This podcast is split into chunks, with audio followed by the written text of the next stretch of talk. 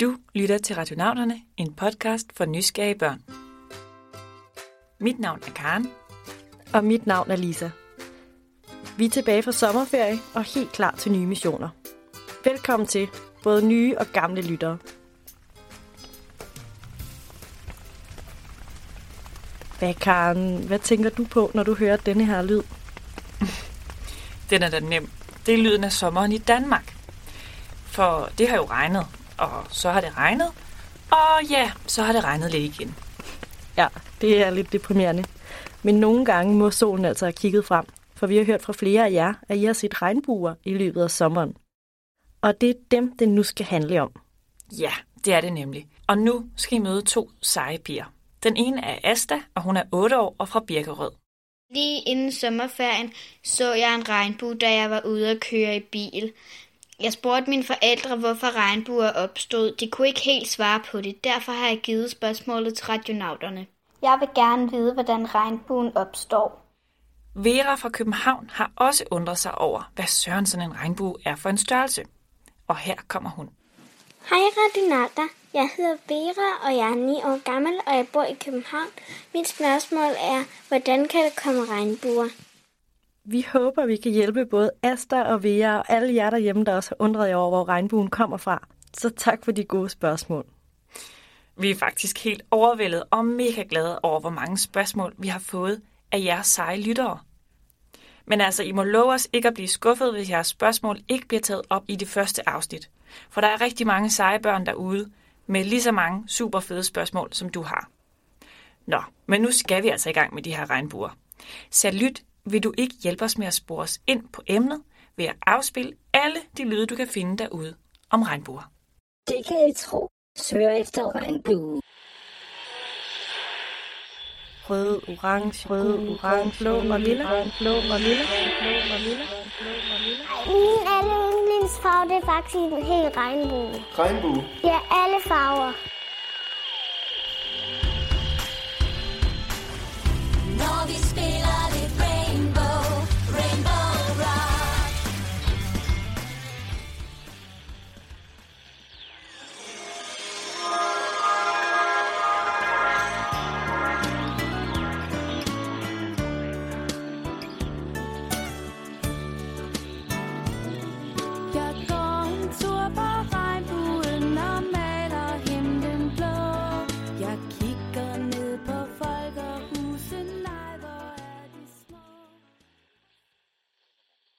Jeg synes, at regnbuer er virkelig flotte og virkelig fascinerende på grund af alle de farver, de har.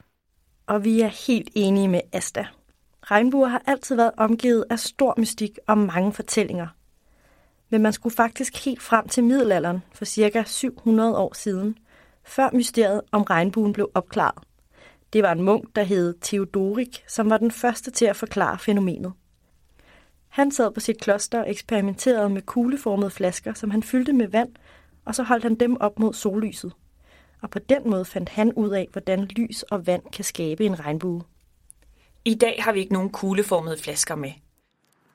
Vi har til gengæld været på besøg hos Henning på Danmarks Meteorologiske Institut. Ja, vi sidder her på DMI, og jeg er metrolog, så jeg sidder og laver vejrudsigter. Det har jeg gjort i rigtig mange år. Jeg har faktisk været her i næsten 25 år nu. Henning er altså meget klog på vejret, og vi spurgte ham, hvad der skal til, for at en regnbue opstår. Ja, der skal først og fremmest skal der to ting til. Der skal nogle regndråber, og så skal vi have sollys. Og det kan godt være lidt svært, fordi når det regner, så er det som regel overskyet. Men man kan godt få kombinationen af sollys og regndråber, hvis man har en regnby for eksempel, som er lige holdt op med at regne, og solen så kommer frem. Så har man regnvejret tæt på, og man har også sollyset, der skal, der skal til. Sol og regn er hovedingredienserne i regnbuen. Og lad os lige starte med at dykke lidt mere ned i de to ingredienser. Første ingrediens er regn. Og regn består jo af en masse små vanddråber, som er så vigtige for, at regnbuen kan blive til. Men hvad er det egentlig, der sker, når lyset rammer regndråberne? Når lyset går fra luft, som er ude i, udenom regndråben, og ind i regndråben, som består af vand, så bliver det afbøjet en lille smule. Og i og med, at det bliver afbøjet en lille smule, så får man splittet det hvide lys fra solen op i forskellige farver, i den røde og den gule, den grønne, den blå og violette farver. Det er det, vi så kan se som en regnbue. Henning fortæller, at lys bliver bøjet, når det rammer regndråberne. Og det sker, fordi lys bevæger sig hurtigt gennem luft, men bevæger sig langsommere, når det rammer vand. I har nok selv prøvet at løbe gennem vand, og det er altså lidt svært. Så når lys rammer regndråberne, så bliver de bremset, og de bliver bøjet, og det er det, der gør, at farverne opstår. Men for at forstå, hvorfor lyset bliver til alle regnbuens farver, er vi nødt til at forstå den anden ingrediens lidt bedre. Altså lyset. For sollys, det er jo ikke rødt og grønt og lilla. Det er jo bare lyst. Så hvorfor er det, at de her farver opstår, når de bliver bøjet af regndråberne? Faktisk fortæller Henning, at alt sollys er hvidt, men det er det kun, fordi det består af alle farver blandet sammen. Al solens lys er hvidt, fordi man får blandet de her øh, farver sammen. Og det er måske lidt underligt, fordi øh, når man blander, blander ting, for eksempel maling, så bliver det jo ikke hvidt, så bliver det jo gråt eller brunt eller et eller andet. Men altså lys har den egenskab, at hvis man blander øh, mange øh, farver sammen, så går det sammen og bliver hvidt. Og når man så splitter dem ad, så kan man få de enkelte farver ud. Ah, så sollys ser altså hvidt ud, men består i virkeligheden af en masse farver. Farverne kommer frem fra lyset. Og det er derfor, at man heller ikke kan se farver om natten. Alle farver, du ser, er afhængige af lys. Og hvilken farve du ser, er afhængig af, hvad lyset rammer. Du male alle vindens farver frem. Kan du male alle Så hvis lyset fra solen rammer en regndråbe, bliver det splittet op i alle de farver, vi kender. Rød, orange, gul, grøn, blå og lilla. Farverne opfører sig nemlig forskelligt, når de rammer regndråberne. Rød bevæger sig hurtigst og vil bøje mindst, hvor lilla bevæger sig langsomst og vil bøje mest. Derfor er rækkefølgen af farverne i regnbuen altid den samme. Det røde lys, det ligger øverst, så kommer den orange, så den gule og så videre, indtil den lilla farve, som altid ligger nederst. Øj, det er ret vildt faktisk. Mm. Goddag, jeg er Kjeld. Jeg har forstand på at gøre det selv. Synes du, det er lidt svært at forstå, så skal du være helt rolig og lyt godt efter nu. Måske kan du bedre forstå det, hvis du ser, hvordan det sker, ved at du laver din egen regnbue. Du kan lave din helt egen gør-det-selv regnbue hjemme i haven for eksempel, men den bliver altså ikke helt så stor som dem, du ser på himlen. Det eneste, du skal bruge, er de to hovedingredienser, sollys og regn. Men hvad nu, hvis øh, solen bare skinner og skinner, og det aldrig regner? Så kan man være snedig og skabe regnen selv ved hjælp af en vandslange. Det du skal gøre, det er, at du skal stå med ryggen til solen. Og så skal du have en vandslange med vand i selvfølgelig. Og, øh, og så skal du altså holde en finger på vandslangen, sådan så vandet bliver splittet op til fine små regndråber. Og, øh, og når du så holder de regndråber op i solen, og du stadigvæk står med ryggen til den, jamen så kan du se din egen regnbue. Det er så fedt. Og det seje ved det her eksperiment, det er, at du faktisk kan lave en helt cirkel. Altså, du kan lave en rund regnbue. Hvis du sprøjter vandet rundt i en cirkel, så vil du kunne se, at regnbuen går hele vejen rundt. Nå, nu har vi altså lært, at det hvide sollys bliver splittet til alle farverne, rød, orange, gul, grøn, blå og, og lilla, når det rammer regndråberne. Men kan man så sige, at det er de farver, der er i en regnbue? Ja, vi siger normalt, der er de her farver, men det er måske lidt, lidt for groft, fordi der er jo også øh, farverne, der ligger imellem de, øh, de enkelte farver, men de er bare svære at, at få øje på. Så det her, det, det er det, vi normalt deler en regnbue op i. Alle farver er altså i regnbuen. Det er jo helt fantastisk. Hvis du ligesom Asta eller Vera går rundt og undrer dig over noget, om det er raketvidenskab, Disneyfilm, farverige fisk eller tidsmaskiner, så vil vi meget gerne høre fra dig. Radionauterne er altid klar til en ny mission. Du kan enten selv optage dit spørgsmål og sende det til os, eller du kan få en voksen til at hjælpe dig og sende det til vores mail info I kan se på radionauterne.dk, hvordan I gør. Som vi fortalte tidligere, har mennesket altid været fascineret af de smukke regnbuer. Og øh, gennem tiden så er regnbuerne blevet set som som tegn eller symboler på både held og på lykke. De fleste historier handler faktisk om, hvad der findes for enden af regnbuen. Er der nogen af jer, der ved det? Her kommer der to gamle fortællinger om, hvad der findes for enden af regnbuen. For enden af regnbuen kan man finde en stor krukke med guld. Åh, oh, hvor fedt. Men, men Lisa, hvor er vi egentlig henne? Og hvad er det for nogle lyde? Vi er i Irland i en stor mørk skov. Men aftenen er oplyst af måneskin. Og den lyd, vi hører nu, den lille bang-bang-lyd, det er lyden fra en hammer. Men, men hvem er det, der laver den lyd? De er nogle små alfalignende væsener. Og hvis man er rigtig heldig, kan man få et glimt af det her væsen. De er alfernes skomager, og lyden du hører her, stammer fra den lille hammer, de bruger til at lave sko med. Og det siges, at hver og en af de her små alfer har en stor krukke med guld gemt et sted for enden af regnbuen. Og hvis man er så heldig at fange en af dem, så skal han give sin krukke med guld til dig, hvis altså man lover at slippe ham fri igen bagefter. Men man skal være meget hurtig for at fange guldet, for de her små fyre, de er meget drillesyge, og de vil gøre alt for at snyde dig. Så tror jeg altså hellere, jeg vil lade de små alfer beholde deres guld. Nå, men nu er det blevet min tur til at fortælle en historie. Og øh, vi skal til et lidt andet univers. Lisa, kender du den nordiske mytologi? Ja, er det ikke den med ham, tordenguden Thor, og alle de andre guder, der bor i Asgård? Præcis. Vi fortalte også om tordenguden Thor i det første afsnit om lyn og torden, så ham kender vi godt. Nå, men i fortællingerne fra den nordiske mytologi, så er det altså ikke en krukke med guld, man finder for enden af regnbuen. Faktisk kalder man ikke engang regnbuen for en regnbue i den nordiske mytologi, men man kalder den for bifrost. Men hvis der ikke findes guld for enden af regnbuen i den nordiske mytologi, hvad er det så, man finder? For enden af regnbuen finder man gudernes verden. Faktisk er det sådan, så bifrost eller regnbuen i den nordiske mytologi er en bro mellem menneskets verden og gudernes verden. Så guderne kan gå ned og besøge menneskene. Men det er ret vigtigt, at man vogter indgangen til gudernes verden. Så for enden af regnbuen, så står der i virkeligheden en gud, der hedder Heimdall. Han er øh, enormt sej, fordi han øh, simpelthen kan se græsset gro, og så kan han høre ulden vokse. Han har altså nogle utrolig gode øjne og nogle utrolig gode ører, og derfor så er han den bedste vogter. Han lyder rimelig vild. Og de her historier, hvor at regnbuen er både noget, der er forbundet med held og med lykke, det er, det er noget, som man enormt længe har troet på.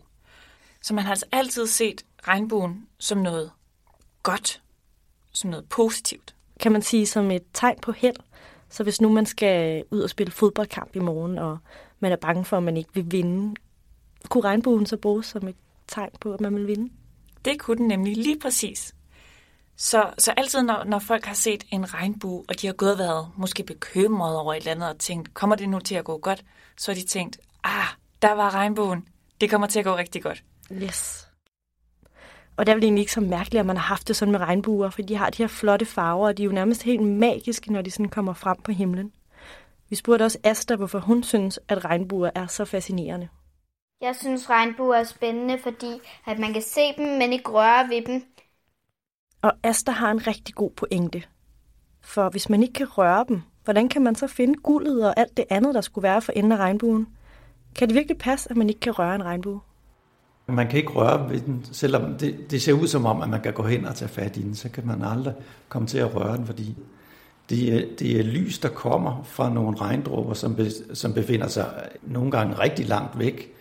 Øh, men det er lyset, der rammer øjnene, så man kan ikke, man, man kan sådan set ikke øh, gribe ud og, og tage fat i regnbuen, fordi hvis du bevæger dig hen imod regnbuen, så er det nogle andre regndråber, som, som danner regnbuen, og ikke dem, som, som dannede den første. Så er, det, så er det i virkeligheden en anden regnbue, du ser, fordi det netop er nogle andre dråber, der så vil, øh, der så vil lave regnbuen. Så du kan ikke få fat i den, og derfor så kan du heller ikke finde enden af regnbuen, og heller ikke den her krukke med guld, eller hvad der nu øh, skulle være der. Så selvom man er helt tæt på regnbuen, som man for eksempel er det, når man laver en gør-det-selv regnbue hjemme i haven, så kan man altså heller ikke røre den. Regnbuer er nemlig ikke noget, man kan tage og føle på. Det er lys, der rammer dine øjne. Man kalder regnbuen et optisk fænomen, og ikke et fysisk fænomen. Fysiske fænomener er det, du kan tage og røre ved. Som for eksempel, hvis jeg tager min vandflaske i hånden her. Men optiske fænomener, dem kan man kun se. Det for eksempel ligesom, når man lyser med en lomlygte, så kan man jo heller ikke tage fat og røre ved den lyskejle. Henning han fortalte også noget andet, som er overdrevet sejt. Og man kan også sige, at hvis man, hvis man er to, der står ved siden af hinanden faktisk, og ser en regnbue, så er det ikke den samme. Fordi de dråber, som danner den regnbue, du kan se, er ikke de samme dråber, som din marker ved siden af kan se. Så i virkeligheden så har man sådan sin egen lille regnbue, når man står og kigger på den, som man ikke rigtig deler med andre. Den regnbue, du ser, vil derfor altid være din helt egen regnbue. Det er virkelig sejt. Men nu er det blevet tid til en udfordring. Og den skal handle om alle regnbuens farver. Og det her, det er faktisk en gåde. Hvad er det, der er klart som glas, rundt som en bold, og som har alle regnbuens farver? Mm. Det ved jeg sørme ikke. Kan vi få en ledtråd mere? Ja, jeg kan lige hjælpe en lille smule mere. Jeg har taget sådan en lille ting her med. Prøv at lytte godt efter.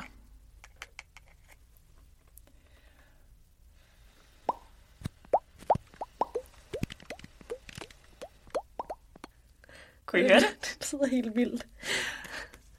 Okay. Det lyder næsten som popcorn.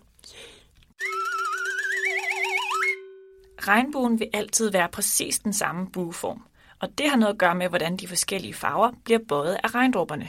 Ligesom vi før fortalte, at rød altid vil ligge øverst, og lilla altid vil ligge nederst. Så ligegyldigt om du står på hovedet eller hopper, så vil en regnbue være bueform. Og når vi står på jorden, så kan vi altid se det som den her halvcirkel. Mm. Men faktisk, hvis man er oppe at flyve, eller er oppe i et meget højt hus, og det regner, så kan man se en hel cirkel. Og det er altså fordi, at der er regn i luften hele vejen rundt om regnbuen. Karen, skal vi ikke lige høre udfordringslyden en gang til? Jo, det kan vi godt. Den kommer her.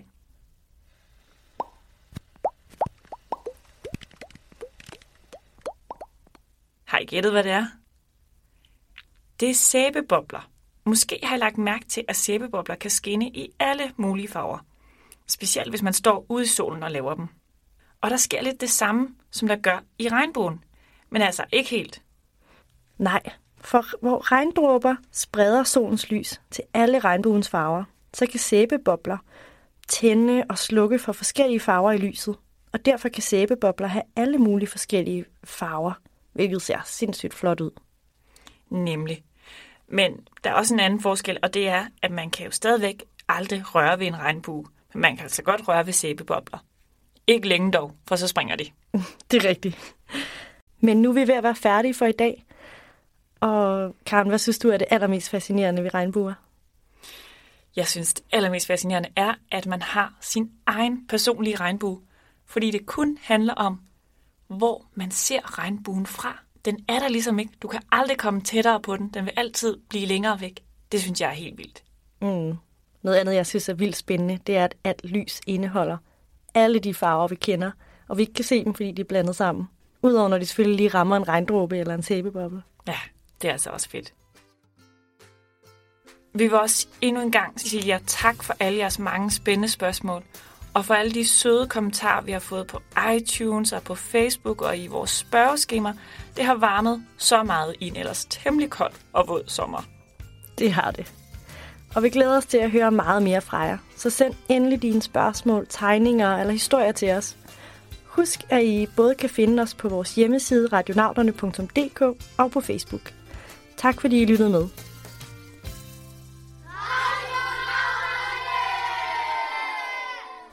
Afsnittet er produceret og redigeret af Karen Birkegaard og Lisa Bay.